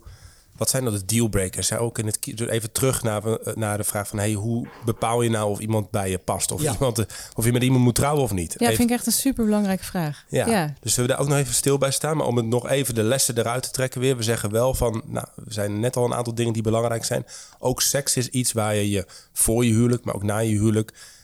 echt, moet, echt van moet gaan leren eh, genieten. Dat het onderdeel mag zijn, dat omarmen, dat het eh, iets is waar je voor kiest. Dat bewust ook voor kiest. En, en ook al kennis mee maakt of vorm geeft op een manier die bij jullie past. Ook voor het huwelijk, zeg maar. Zoiets. Ja. Eh, maar goed, even terug. En dus, nou ja, even, dat hangt dus ook weer samen met die, met die vraag die ik net stel. Namelijk, hoe in vredesnaam bepaal je met deze knakker of met deze dame... ga ik, eh, een commitment aan voor de rest van mijn leven? Ja, ja. Nee, ik denk dat dat echt de beste vraag is eh, die je jezelf kan stellen. Van ja, is dit, is dit degene met wie ik de rest van mijn leven wil delen? Zie ik mezelf oud worden en het dan ook nog leuk eh, hebben met, eh met z'n tweeën? En neem daar echt de tijd voor. En, en er, er, is een moment dat de paniek om het hart slaat. Eh, Koudwatervrees is, ja, dat is echt meer dan normaal in die hele fase ernaartoe. Maar deel dat ook met elkaar. Grijp dat aan niet als van, eh, oh, stress en paniek. Maar hey, eh, ik heb twijfels, want juist dat, eh, onder druk wordt alles vloeibaar, zeggen ze. Juist dat brengt scherp naar boven van, hey, wat zijn de dingen waar ik nou echt tegenaan loop bij jou? En als je dat gaat uitspreken naar elkaar, dan ga je dus zien hoe je partner dat ontvangt. En die ga, dan ga je ook ervaren van, hey, is dat iets waar mijn partner mee aan de slag wil? Om daar, zodat het niet langer iets is waar jij tegenaan loopt bij je partner, maar dat het een gezamenlijk proces is. Als je dat gaat ervaren, van hé, hey, maar dit is iets waar mijn partner ook van baalt. En ik zie eh, dat hij stapjes, of zij eh, stapjes onderneemt om hierin eh, te groeien. Ik denk dat je dan alleen maar aan het bouwen bent aan een sterke relatie. Dus juist op het moment dat je die gesprekken aangaat, dan ga je wel ervaren, hé, hey, zijn we nu aan het verbinden? Of heb je het idee dat het tegen doofmansoren gericht is? Ja, en dan denk ik dat je op een gegeven moment dus ook niet eh, bang moet zijn om te zeggen: eh, sorry, we komen niet dichterbij. Eh, misschien is het wel helemaal niet zo'n goed idee. En er, zijn sowieso dealbreakers als je niet veilig voelt, als, je, als iemand over je grenzen gaat. Ehm, en dan kan je zeggen: ja, nou ja, dat gebeurt niet binnen relaties. Ja, wel, dat gebeurt juist wel binnen relaties een heleboel. Neem dat super serieus. Eh, praat dat niet weg van je partner, want grensoverschrijdend gedrag, dat is echt iets super serieus. Dan word jij dus de, de rest van jullie relatie niet op de waarde geschat die jij verdient en die je, die je bent. Dus ga dat gesprek aan en ook ja, zoek daar dan eh, hulp bij. En als dat ja, als het niet lukt, dan is dat voor mij echt sowieso een, eh, een dealbreaker. ehm. Dus grensoverschrijdend gedrag is sowieso Ja. een dealbreaker. ja, En daar- daarnaast ga op zoek, waar loop je tegenaan? Wat vind je Ja. vervelend, irritant? Wat, wat Ja. merk je in jezelf? ja, Dat, eh, en ga dan het gesprek daarmee aan en, en nou, maak daar een soort van proces van. Ja. Je dat samen met Ja. elkaar doet. ja, precies. Kun, Ja. Kunnen we daar een soort van voorbeeld bij bedenken? Ik zit ook even in mijn eigen relatie te denken. Nou, komen, bij mij komen ook een, een paar andere, naast deze hele mooie criteria, komen ook een paar andere dingen bij me op. Eh, een andere is, kijk, het is zo natuurlijk, je hebt overtuigingen in het leven. En sommige overtuigingen staan wat losser, wat, wat flexibeler, andere wat robuuster. Maar ik denk dat het wel belangrijk is om jezelf af te vragen, en dat is ook een groeiproces. Wat zijn mijn diepste overtuigingen? Bijvoorbeeld, want dat heeft, kan ook best wel veel impact hebben als je dan vanmorgen kinderen samen krijgt. Ja. Hoe voed je je kinderen op? Ja. Het je maar gebeuren dat je, dat je principieel andere in, mening hebt over hoe je je kind moet opvoeden. Van dingen tot aan gezondheid, eten en lifestyle. Tot aan eh, morele opvoeding, tot aan geloofsopvoeding. Dus dat lijkt me ook best wel dingen die je ook van tevoren best wel Nou, duidelijk met ook- elkaar mag daar- Daar kan ik bespreken. wel bij aansluiten. Kijk, Vera en ik, eh, mijn vrouw, eh, wij verschillen best wel veel qua karakter. Ehm, dus zij is veel gevoeliger. Ehm, ik ben dominanter. Ehm, eh, op allerlei vlakken. denk, ja, verschillen wij best wel. Je komt, je komt soms ook wel men, soms kan ik wel eens jaloers zijn of naar mensen kijken die, die wat meer soort van soulmeterig zijn in de zin van dat ze heel erg eh, dat ze elkaar heel erg aanvullen. Of dat het, dat het heel erg matcht. Of dat ze heel veel dingen gemeenschappelijk hebben. Samenwerken. Of dat zie ik ons echt niet doen. Zeg Allebei maar. hetzelfde Human Nature Fest aan hebben. Ja, en gewoon en bijna altijd gewoon genoeg hebben aan elkaar, weet je wel. Want Ja. ik heb niemand anders nodig dan. Dan denk ik altijd, eh, holy shit, ik zou bij 24-7 de rest van mijn leven met mijn vrouw. Even, en zij denk ik bij mij ook. Dus, dus da- dat kan ook een beetje. Ehm, eh, en eh, nou, misschien is dat ook gewoon wel, dat is nog steeds wel iets lastigs in onze relatie en ook vooraf, denk ik. En tegelijkertijd heb ik wat Paul zegt wel ervaren dat het denk ik voor mij bijna belangrijker is ehm, dat, dat je een soort vanzelfde ehm, visie hebt op het leven of eenzelfde idee hebt wat je belangrijk vindt. Dus dat zij dat we samen nou, de, iets als geloof hebben, maar ook samen een, een, ons zoontje nu eigenlijk best wel heel harmonieus. We zijn bijna nooit met elkaar oneens over hoe we dat doen of wat we belangrijk vinden. Of eh, dingen als wat we materieel belangrijk vinden, of geestelijk, of familierelaties, of dat dat matcht, vind ik in, in de praktijk van mijn huwelijk en mijn leven is bijna belangrijker Ja. dan dat wij eh, matchen qua karakters. En sterker nog, die karakters is soms lastig dat het botst. Maar het is ook weer versterkend. Het helpt mij ook om kwetsbaarder te zijn. Het helpt haar ook om af en toe even een beetje peper in de reet en een beslissing te maken. Zeg maar, Ik over zou het doodvermoeiend vinden om met mezelf getrouwd te zijn. Ik zou het het zou nogal saai klinken. zijn. Maar gewoon een beetje diversiteit zijn. Nee, Ja. dus dat, dat, is Ja. ook, dat is ook weer tof eraan. Het tegelijkertijd is het ook zoeken. Maar dat, dat, dat je een soort kernovertuigingen hebt die je deelt. In het, dat vind ik dus bijna belangrijk. Ja, ja. en Ja. ik denk naast die overtuiging op een gegeven moment ook gewoon ehm, hele duidelijke afspraken over bepaalde dingen die je wel en gewoon niet doet. En dat heeft bij mij echt geholpen. Een van de dingen die ehm mevrouw op een gegeven moment zei is wij gaan wel praten over dingen. Hoe je je voelt of hoe je denkt. We maken een afspraak, we praten gewoon over dingen. En dan was het over, ehm, over ruzies. Ik gaf het net aan, ik ben een beetje net als je man. Op het moment dat we ruzie hebben, dan loop ik weg. En dan hoef ik het gesprek ook niet meer aan te gaan. En dan denk ik, het, de probleem lost zichzelf wel op. Ik kom straks terug en dan is alles weer oké. en dan is het opeens verdwenen. Ehm, of andersom, vroeger in huis, als ik ruzie had, ging ik juist vechten met eh, mijn neven. Gingen we heel erg vechten en degene die het hardste sloeg, die won. En dan was jij de baas. Nou, ik kwam er heel snel achter, dat kan je niet in een huwelijk doen. dus ehm, we maakten hele duidelijke afspraken. En om die afspraak waren een beetje de tien geboden eh, binnen ons huwelijk. Daar mag je gewoon niet omheen. En ik moest leren, en dat was wel voor mij echt een spiegel. Ik moest gaan leren zitten, nadenken en praten over dingen. Mezelf niet alleen verdedigen, maar ook toegeven. Ja. Dingen beargumenteren waarom ik bepaalde dingen deed. En soms zei ik dan van ja, ik deed dat, want ik dacht dat was beter. En dan zei mevrouw, oh oké, en dan was het voorbij. Terwijl in mijn hoofd, en dat is wel ehm, iets waar ik heel erg aan moest wennen, is er speelden dingen in mijn hoofd die niet altijd klopten met de realiteit, maar voor mij was het echt waar. Voor mij was het echt waar. Je schrijft dat ook in je boek trouwens over op het moment dat jullie ruzie en dan ging je naast elkaar leven eigenlijk. Ja. Zie je jongens, ik heb echt gelezen. hij En- pikt het snel op bij die man. en, en, dan ging je, en dan, dat was iets waarvan ik ook moest leren. Je man gaf het op een gegeven moment aan van we gaan niet zo verder. Zo gaan we niet verder, we stoppen. Hier is een lijn. Ja.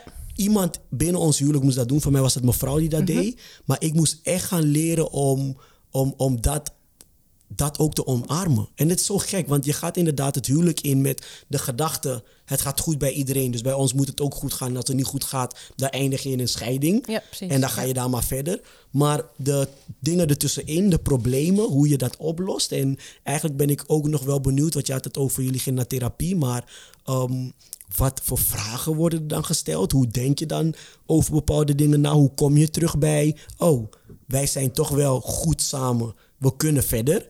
Hoe Ja. kom je op een gegeven moment weer bij dat punt? Waar, Ja.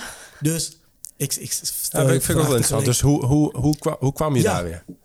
Ja, dat is echt een enorm proces eh, geweest. Dat ge- en dat ging met pieken en dalen. Het ene moment dacht ik, dat kwam nooit meer goed. En dan zag ik het helemaal niet meer zitten. Maar ja, en dan eigenlijk vaak, met, net als het zo ver was... dan zaten we weer in met z'n met drieën in zo'n driehoekje... bij die, eh, met die eh, psycholoog. En dan hoorde ik Joop ineens weer dingen, dat ik, eh, dingen zeggen. En dan dacht ik, wat ben jij lief eigenlijk?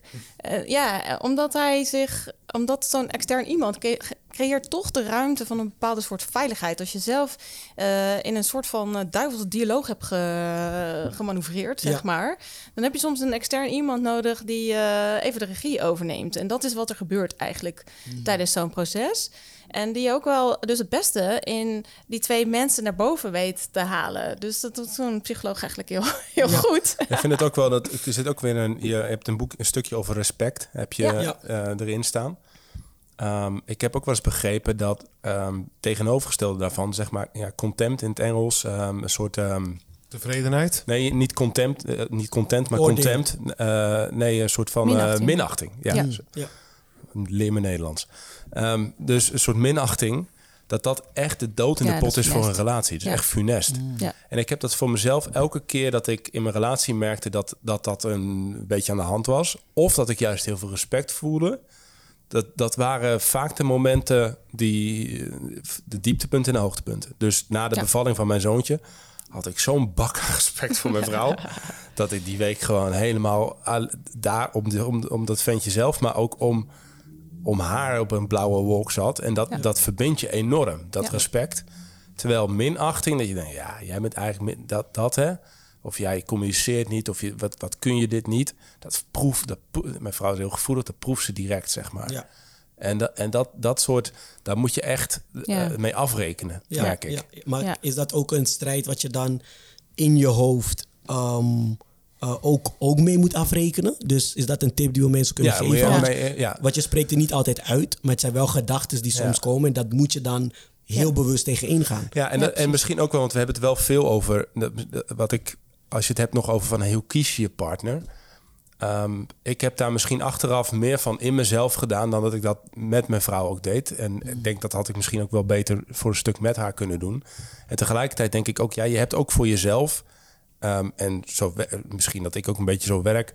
Ook gewoon een proces, een innerlijk proces nodig waarin je keuzes maakt. En ik weet bijvoorbeeld een van de dingen waarop ik me altijd ook een beetje heb vastgehouden. En wat ook helpt, denk ik, in het kiezen van een partner.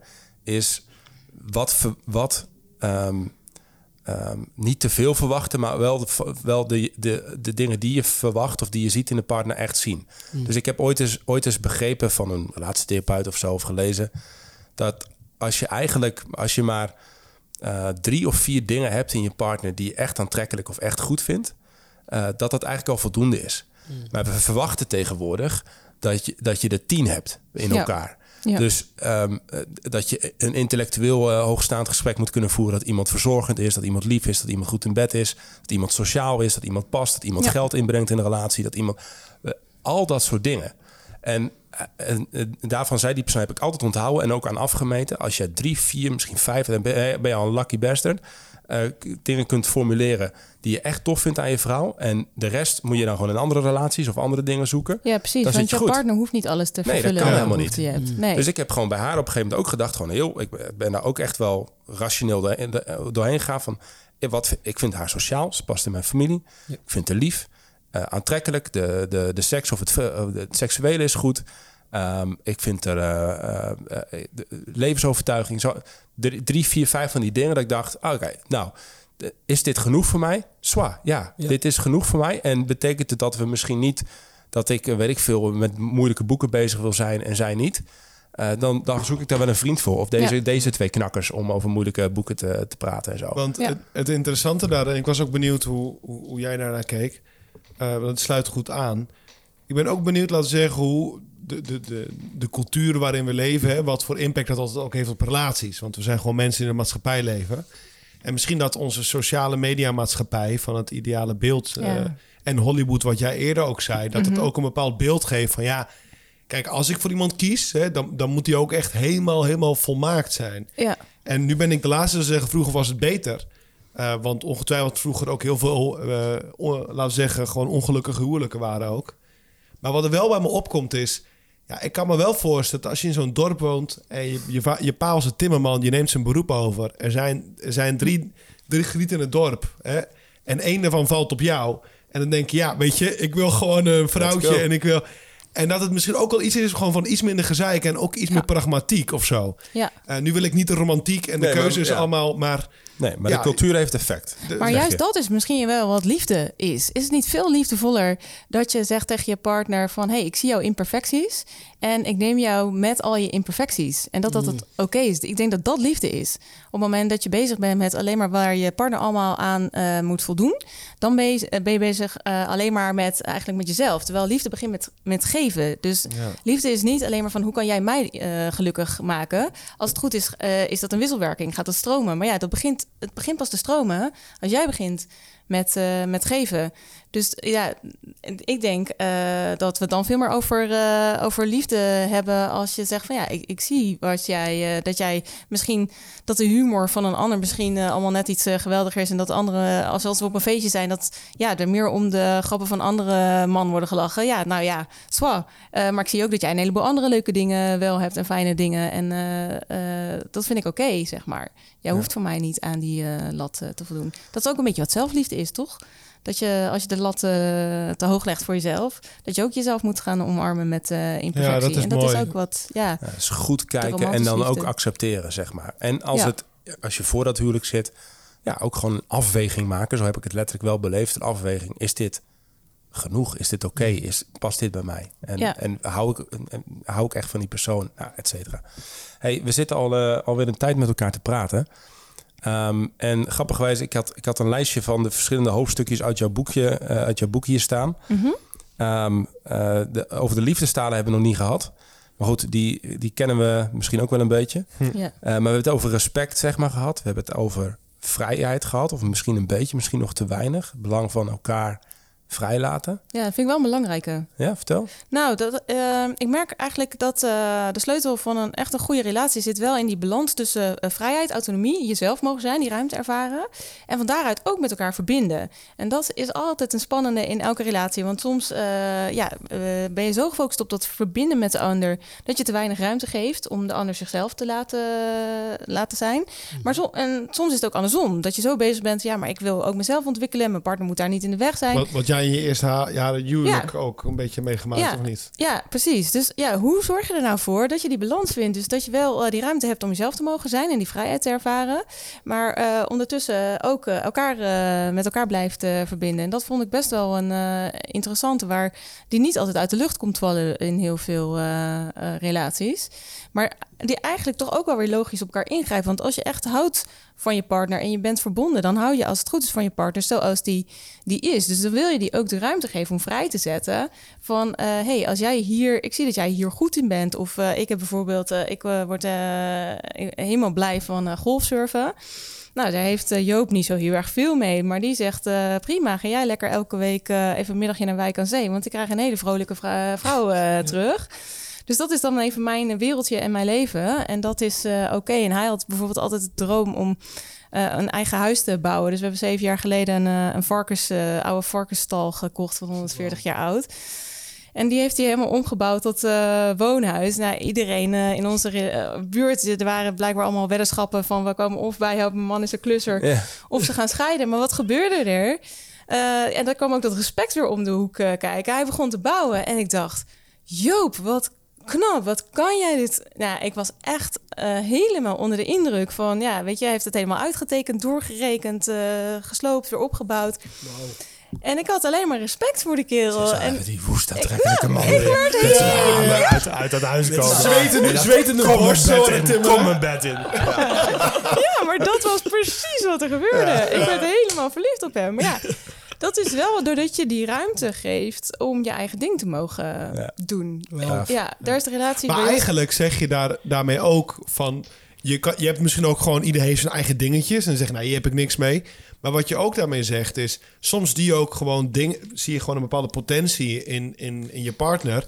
Van, goh, ik zie gewoon echt dat Ja. jij echt de potentie hebt om hierin te kunnen groeien. Om dat te kunnen bereiken. En dat je daar echt elkaar in steunt. Ja, En dat is misschien nog zelfs een soort mooiere vorm van vrijheid. Maar dat is een soort verbindende vrijheid. ja, Van uit die verbinding geef ik je de vrijheid. Want ik zie gewoon, jij moet dit doen. Dit Ja, en, het, Precies. en, en het dus dan is het helemaal geen tegenstelling meer. Maar dan, dan, dan helpt die vrijheid om verbonden te zijn. Dat, Ja. dat, dat, merk, dat merk ik ook, ja. Misschien zou, misschien zou ook, hè, jij bent manager in het bedrijf. Soms zie je misschien ook gewoon een van de mensen die werken, dat je zegt van jij bent hier zo goed in. Ja, en dat je een soort vrij Ja. wil laten van dit moet je gewoon verder ontwikkelen of zo. ja. ja. en als je dan ziet dat diegene dat ontwikkelt en stappen maakt, ja, dan kan je alleen maar super blij zijn. dat is heel aantrekkelijk. Ja, Ja. ja. Ja. En Ja. het heeft ook weer invloed op, op de eigen relatie waarschijnlijk. En weet ik wat allemaal. ja. Ja, gaaf. Eh, vrijheid dus. Trouw hebben we het wel over gehad. Dat, ehm, en ook eh, nou, vrij uitgebreid. Goed, ru- goed ruzie maken. Eh, seks is langsgekomen. Geloof hebben we het ook wel even over gehad. Hoe belangrijk het is om dat ook te delen. Ehm, Ja, misschien dat maar- vind ik wel een. Ja? eh, ik, ja, wel- ik vind geloof dus wel echt een heel interessante. Want eh, je hebt geloof en geloofsbeleving, zeg maar. Dus je kan met het huwelijk instappen en denk ja, maar wij geloven toch allebei in dezelfde God, dus dat komt wel goed. Terwijl je allebei het geloof misschien wel heel anders beleeft. En dat vond ik best wel een struggle, omdat ehm, eh, Joop en ik wisten van elkaar van we geloven, maar we konden elkaar daar helemaal niet zo goed in vinden. Als hij ging bidden, dacht ik ja, ik vind het altijd fijn. In die zin ben ik net weer iets eh, evangelischer, dat, dat ik daar dingen bij, eh, bij voel en ervaar en dat ik die relatie met Jezus ervaar. Ja, dat had ik helemaal niet als Joop aan het eh, bidden was. Dus ik dacht, ja, geloof jij wel echt? Is jouw, is jouw geloof wel echt? Ja, weet je. Dus dat was best wel een struggle. eh, en, en hij dacht eh, soms van, nou, je bent wel heel erg in de Heer. Moet dat allemaal? Je? kan het niet iets meer Iets down to, to earth? Ja. Dus, ehm, eh, en eh, het, je hebt natuurlijk altijd een plaatje, dat stereotype wat bij elke bruiloft ongeveer eh, voorbij komt, van dat drievoudig. Die drie koorden, eh, ja, precies ja, dat. Ja, ja. En ik had altijd het beeld erbij van, oh ja, dat, nou ja, een, als een gewoon scheepstouw, zeg maar, met de drie dingen. En die zijn alle drie, die koorden zijn exact hetzelfde. Ja, en dus die- even voor de mensen die... God en jullie twee zijn alle Ja. drie in koord. En als dat maar met Ja. elkaar vervlochten is... dan een drievoudig snoer zal niet breken. Zoiets, hè? Heel goed, ja, ja. precies. Ook dat, is ook het. dat, dat, dat gereformeerde stemmetje dat hij even opzet. Gemeente. Goed. Ja, maar dus dat beeld had ik erbij. Dus dan verwacht je dus ook dat dat, dat, dat snoer of dat koord voor ieder, eh, iedere relatie hetzelfde is. Dus dat er gewoon een bepaald patroon is eh, wat je moet zien te vinden. En dan, eh, dat is dan het patroon voor het huwelijk. Ja. En wat ik later heb ontdekt eigenlijk meer... is dat dat koord is helemaal niet, dat touw is helemaal niet hetzelfde voor elk huwelijk. Dat verschilt, want ik ben ik en Joop is Joop. En God is dan wel altijd God. Dus elk, elk touw ziet er anders uit, want zijn koordje ziet er anders uit dan die van mij. En dat verbindt God eh, samen. Maar het wordt pas van betekenis als je dus gaat kijken van eigenlijk hoe kan ik van betekenis zijn voor jou, in jouw geloofsbeleving, in jouw relatie met Jezus. Wat heb je daarin van mij nodig van steun? Dus dat ik gewoon accepteer van, oh, maar dit is dus zijn manier van geloofsbeleven. Want hij heeft ook een ander karakter. Ja, logisch Ja. dat hij het allemaal heel anders eh Dus eh, ook daar weer in vrijheid, ruimte Ja. bieden. En dan, dan support en, en, ook, en, Ja. en leren en optrekken met elkaar. Zonder dat Ja. je nou, het- hetzelfde hoeft te worden daarin. Ja, ja, Ja, ja, cool. precies. Maar tegelijkertijd denk ik ook wel, ik ben ook benieuwd hoe jullie naar kijken. Het, het, het huwelijk, het gezin is, is wel de, de, de meest centrale of meest basale kerk. Hè? In de zin van, ja, het is gewoon kerk. Ga, ga je nou naar twee geloven op de, dui, op de, op de kust en ligt de duivel tussen? Of, eh? Nee, mijn punt is juist van, het is niet alleen een soort van iets, nou, jij bidt zo en ik bid zus. Eh, jij huppelt wat meer met evangelische muziek en ik met Gregoriaans. Maar ook dat je, dat je gezamenlijk ook de, de relatie met Christus zoekt. En, en daarna als er kinderen mogen komen, dat, dat wordt in dat gezin, dat het geloof ook een manier vindt dat het Ja. geloof echt tot de uiting komt. Dat lijkt me ook best wel belangrijk, toch? Ja, nou, en wat eigenlijk ook wel tof daarin is, eh, als mensheid zelf eh, zijn we natuurlijk een, eh, een beeld van God. Dus eigenlijk als je alle mensen bij elkaar hebt, dan heb je eigenlijk, en daar al het moois van samenbrengt, dan heb je een beeld, het beeld van God. Dus wij zijn naar Gods beeld geschapen. Dus ik zie in Joop weer een stuk, ander stuk van God terug eh, dan dat Oh, ik mooi. Ja. heb. En samen eh, maak je, is het, wordt het beeld van God dus weer iets completer. En dat is ook iets wat je naar je kinderen kan, laten kan laten zien, bijvoorbeeld. Als ik zo naar Godwin kijk, dan zie ik een hele energieke God. Die dan Ja. zo door de, door de, door de hemel... Dat, dat deel van God zit, eh, Ja, is wanneer een muziek aangaat. Ja. Wanneer de worship begint, dan, dansen. Dat deel van God komt tot leven. Een dansende God Ja. vind ik een mooi beeld eigenlijk.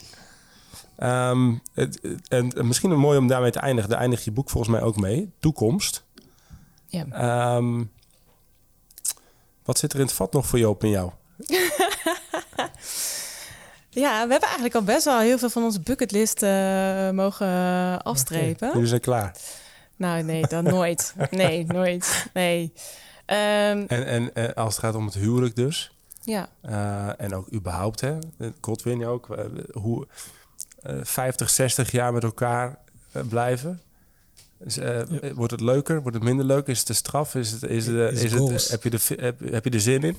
Ja, als ik ernaar kijk, ik, ik, is goals. Het is echt, als ik hoor, Goals, dat, men- ja, als ik hoor dat mensen eh, zoals 19 jaar getrouwd zijn, 20 plus, 35 jaar, denk ik van wauw, dat, daar wil ik alleen maar eh, naartoe leven. Dat lijkt me zo fijn om ooit te kunnen zeggen van hé, hey, ik ben zo lang, eh, lang samen met één persoon. Het is, Ja. eh, het is gigantisch fijn. Ik, eh, ik geniet oprecht van mijn huwelijk. Cool. Ik eh, word blij als ik aan mijn vrouw denk. Ik word blij als ik aan mijn leven denk. Um, en ik denk, ja, dan kan het alleen maar beter worden. Ja, Ja, want ja. ik word een betere persoon steeds. En zij wordt een betere persoon. Dus dan wordt het denk ik alleen maar makkelijker, minder moeilijker. Sorry, maak je zin af. Geef niet. Um, dus dat, ja, Ja. ik heb er zin in. Ja, nou, ik denk als je dat weet te bereiken, Ja. dat je het best in elkaar naar boven haalt, dan wordt het ook echt alleen maar Ja. beter en eh, leuker. Dat is wel wat ik kan zeggen. Ik heb ook echt wel echt zin om gewoon samen 80 eh, te worden. Samen 80 worden. Nou, daar sluiten we ook een beetje mee af. Excuus, Godwin, dat ik een beetje doorheen zat te snuiven. Maar die Paul, die wilde... Die zit hier een nummer naar me toe te sturen om mee te eindigen. We eindigen de podcast vaak met een nummer. En dan zie ik Shania Twain langskomen. Willen we, Gewoon willen we lekker dit? cheesy, Hebben toch? wij niet- Tuurlijk. Lekker cheesy aan het ja, eind. Erika, Erika mag kiezen. Ga jij hierin mee of gaan we nog voor een... eh, Of, of heb je nog een... Welke eh, is het? You're still the one. Oh, Nee, nee, nee. oh. Ja, echt super cheesy.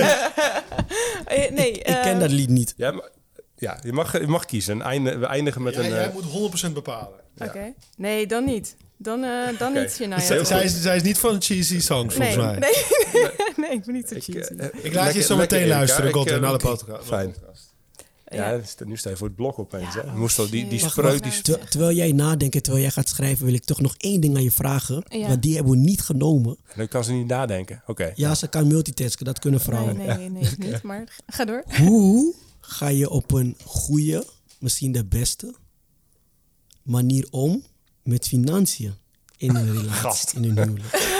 Hey, we snijden je- nog even een heel Ja, nieuw een thema aan. eh, een kort vraagje terwijl ze een nummertje Een bedenkt. soort afrondende vraag, maar komt eh, compleet... Ja, anders eh, gaan mensen onder de comments zeggen dat ze dat stukje niet gehoord hebben. Maar Ja. Nou, in 20 seconden. Je Ja. beste financiële tip in het huwelijk. let's go. eh, nou, ga niet in crypto's. Oké, we sluiten de podcast nu af. We doen Niet in crypto samen. Dat is het einde van je huwelijk. één van de twee wel. Joop eh, die doet bij ons de aandelen en de crypto's, maar ik zit niet aan de goede kant op dit moment. Wie kent er... eh, even zien hoor. Jij kent nog een, ken je nog een leuk eh, Nummertje. dans, dans, dans? Ja, Iets, even, wel met dans en liefde? Dans en liefde? Oeh, dan moet je bij Bruno Dancing Mars zijn. Dancing in the Moonlight. Nou, dat is niet liefde, hè? Dancing in the moonlight. Ik ben altijd Nee, heel dat is te collectief. Ik dat ben is, altijd eh, echt mijn, eh, mijn big eh, hero is Michael Jackson eigenlijk. Ah, wel maar lekker, eh, ja. ja. dat. Wat een mooi nummertje. On the bl bl blood on the dance floor. Billie Jeans is not my Ja, love. Dirty Diana. Lekker anti- anticlimax liedjes. Mag ook wel, toch? Anticlimax? Blood on the dance floor. Ja, Gewoon lekker anticlimax. Wel echt een heerlijk nummer. Oké. Nou, we eindigen met... eh, ja, je begint ook een dagje ouder te worden, Erika. Je ziet er nog jong uit. We eindigen met de jaren 80, 90, Michael Jackson, Blood on the dance floor. En misschien nog wel leuk om een mooie quote of mooie spreuk mee te eindigen. Eentje die wat vrouwvriendelijker is. Een sterke vrouw, wie zal haar vinden? Zij is meer waard dan edelstenen. Nice, yes. Erika, dankjewel. Thank you so much. Ja, dankjewel. Dit voelt als een heel erg radio-einde. En we gaan, en we gaan door na, na de reclame. Michael Jackson, Blood on the Dance Floor. Dank de voor het reclame. luisteren. We gaan nog even dansen hier. En eh ciao! En heb je vragen, bel naar Henk Jan op 06. Nee, niet die.